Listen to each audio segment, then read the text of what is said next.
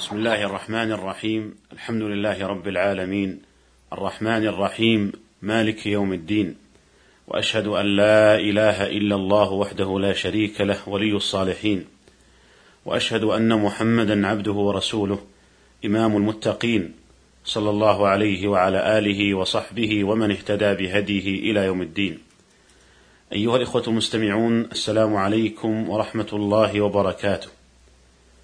حديثنا في هذه الحلقة عن أحكام سجود التلاوة، والمراد بسجود التلاوة السجود الذي سببه تلاوة أو استماع آية من آيات السجود في القرآن الكريم، وقد اتفق العلماء على مشروعيته، ومما ورد في فضله ما جاء في صحيح مسلم عن أبي هريرة رضي الله عنه قال: قال رسول الله صلى الله عليه وسلم: إذا قرأ ابن آدم السجدة اعتزل الشيطان يبكي يقول يا ويلي أمر ابن آدم بالسجود فسجد فله الجنة وأمرت بالسجود فأبيت فلي النار.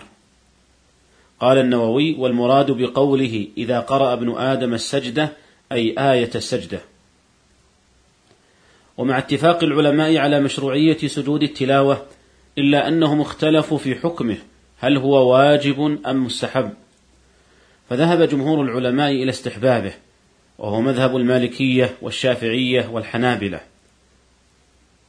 وذهب بعض أهل العلم إلى وجوبه وهو مذهب الحنفية ورواية عن أحمد. والأقرب والله أعلم في هذه المسألة هو قول الجمهور وهو أن سجود التلاوة مستحب وليس واجبا. لما جاء في الصحيحين عن زيد بن ثابت رضي الله عنه قال قرأت على النبي صلى الله عليه وسلم والنجم أي سورة والنجم إذا هوى فلم يسجد فيها. ولو كان السجود واجبا لم يقره النبي صلى الله عليه وسلم على ترك السجود. ويدل لذلك أيضا ما جاء في صحيح البخاري أن عمر بن الخطاب رضي الله عنه قرأ يوم الجمعة على المنبر بسورة النحل حتى إذا جاء السجدة نزل فسجد وسجد الناس. حتى إذا كانت الجمعة القابلة قرأ بها. حتى إذا جاء السجدة قال يا أيها الناس إنا نمر بالسجود فمن سجد فقد أصاب ومن لم يسجد فلا إثم عليه. ولم يسجد عمر رضي الله عنه. قال البخاري وزاد نافع عن ابن عمر رضي الله عنهما عن عمر أنه قال إن الله لم يفرض السجود إلا أن نشاء. قال الموفق بن قدامة وهذا كان يوم الجمعة بمحضر من الصحابة وغيرهم ولم ينكر فيكون إجماعا. واختلف العلماء في سجود التلاوة هل هو صلاة أم ليس بصلاة؟ ويترتب على هذا الخلاف أنه على القول بأنه صلاة يشترط له ما يشترط لصلاة النافلة من الطهارة وستر العورة واستقبال القبلة وجميع ما يشترط لصلاة النافلة. وأما على القول بأنه ليس بصلاة لا يشترط له ذلك. والأقرب والله تعالى أعلم أنه ليس بصلاة. ويدل لذلك ما جاء في صحيح البخاري عن ابن عباس رضي الله عنهما أن النبي صلى الله عليه وسلم سجد بالنجم وسجد معه المسلمون والمشركون والجن والإنس. وقد بوب البخاري رحمه الله في صحيحه لهذا الحديث بقوله باب سجود المسلمين مع المشركين والمشرك نجس ليس له وضوء. ثم قال البخاري وكان ابن عمر رضي الله عنهما يسجد على غير وضوء. ويدل لذلك من جهة المعنى أن تعريف الصلاة شرعا أنها عبادة ذات أقوال وأفعال مفتتحة بالتكبير مختتمة بالتسليم. وهذا التعريف لا ينطبق على سجود التلاوة إذ لم يثبت في السنة أن له تكبيرا أو تسليما. والأحاديث الواردة في سجود التلاوة ليس فيها إلا مجرد السجود فقط يسجد ونسجد معه إلا حديثا أخرجه أبو داود في سننه أنه صلى الله عليه وسلم كبر عند السجود ولكن إسناده ضعيف. وأما التسليم فلم يرد لا في حديث صحيح ولا ضعيف أنه صلى الله عليه وسلم سلم من سجود التلاوة وحينئذ لا ينطبق عليه تعريف الصلاة. وبناء على ترجيح هذا القول وهو أن سجود التلاوة ليس بصلاة لا يشترط له الطهارة ولا استقبال القبلة ولا سائر ما يشترط للصلاة من الشروط. ولكن لا شك أن الأولى والأفضل ألا يسجد إلا وهو طاهر مستقبل القبلة. ويتفرع عن هذه المسألة مسألة أخرى وهي سجود التلاوة في أوقات النهي. فمن كان يقرأ القرآن بعد صلاة الفجر أو بعد صلاة العصر مثلا ومر بآية سجدة فهل يسجد؟ أما على القول بأن سجود التلاوة ليس بصلاة فإنه يسجد ولو كان في وقت النهي وأما على القول بأنه صلاة فإن أصحاب هذا القول مختلفون فمنهم من يرى أنه من ذوات الأسباب وذوات الأسباب يجوز فعلها في أوقات النهي ومن أصحاب هذا القول من يمنع من ذلك مطلقا.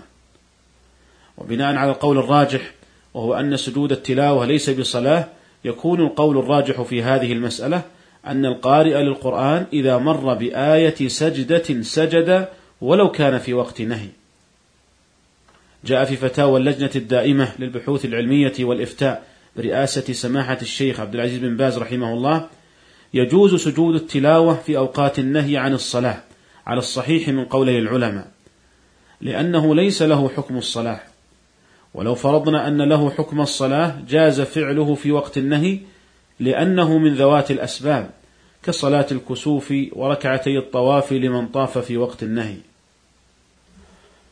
أيها الإخوة المستمعون، وآيات السجود في القرآن خمس عشرة سجدة في أظهر أقوال أهل العلم، في سورة الأعراف، وفي سورة الرعد، وفي سورة النحل، وفي سورة الإسراء، وفي سورة مريم، وفي سورة الحج في موضعين، وفي سورة الفرقان، وفي سورة النمل، وفي سورة ألف لام ميم تنزيل السجدة وفي سورة فصلت وفي سورة النجم وفي سورة الانشقاق وفي سورة العلق وكذلك في سورة صاد عند قول الله تعالى فاستغفر ربه وخر راكعا وأنام وقد اختلف العلماء فيها ومن العلماء من قال لا يشرع السجود فيها لأنها توبة نبي وقد وردت بلفظ الركوع وخر راكعا وليس بلفظ السجود.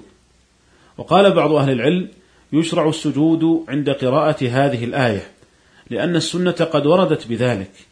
في صحيح البخاري عن ابن عباس رضي الله عنهما قال صاد ليست من عزائم السجود وقد رأيت النبي صلى الله عليه وسلم يسجد فيها. ويكفي لإثبات مشروعية السجود عندها أن النبي صلى الله عليه وسلم سجد فيها. ولذلك قال مجاهد سألت ابن عباس رضي الله عنهما عن سجدة صاد فقال أو ما تقرأ؟ ومن ذريته داود وسليمان إلى قوله أولئك الذين هدى الله فبهداه مقتده. فكان داود عليه السلام مما أمر نبيكم صلى الله عليه وسلم أن يقتدي به.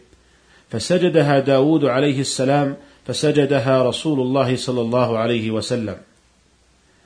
وأما ما ذكره أصحاب القول الأول من أن الآية إنما وردت بلفظ الركوع وخر راكعا وأنام فالمراد بالركوع في هذه الآية السجود. قال الحافظ ابن كثير رحمه الله في تفسيره وقوله تعالى وخر راكعا أي ساجدا. ويحتمل أنه ركع أولا ثم سجد بعد ذلك. على أننا نقول إن السجود عند بعض الآيات مبناه على التوقيف ولهذا قال الحافظ ابن حجر رحمه الله السجدة التي في صاد إنما وردت بلفظ الركوع ولولا التوقيف ما ظهر أن فيها سجدة. ومما يدل لذلك أيضا أنه ترد بعض الآيات التي فيها الأمر بالسجود ومع ذلك لا يشرع السجود عندها بالإجماع. كما في آخر سورة الحجر في قول الله عز وجل ولقد نعلم أنك يضيق صدرك بما يقولون فسبح بحمد ربك وكن من الساجدين. والحاصل أن القول الراجح في هذه المسألة هو مشروعية السجود عند آية صاد لأنه قد صح عن النبي صلى الله عليه وسلم أنه سجد لما قرأها ونحن مأمورون بالاقتداء به. أيها الإخوة المستمعون هذا ما تيسر عرضه في هذه الحلقة ونستكمل الحديث عن بقية أحكام سجود التلاوة في الحلقة القادمة إن شاء الله. والسلام عليكم ورحمة الله وبركاته.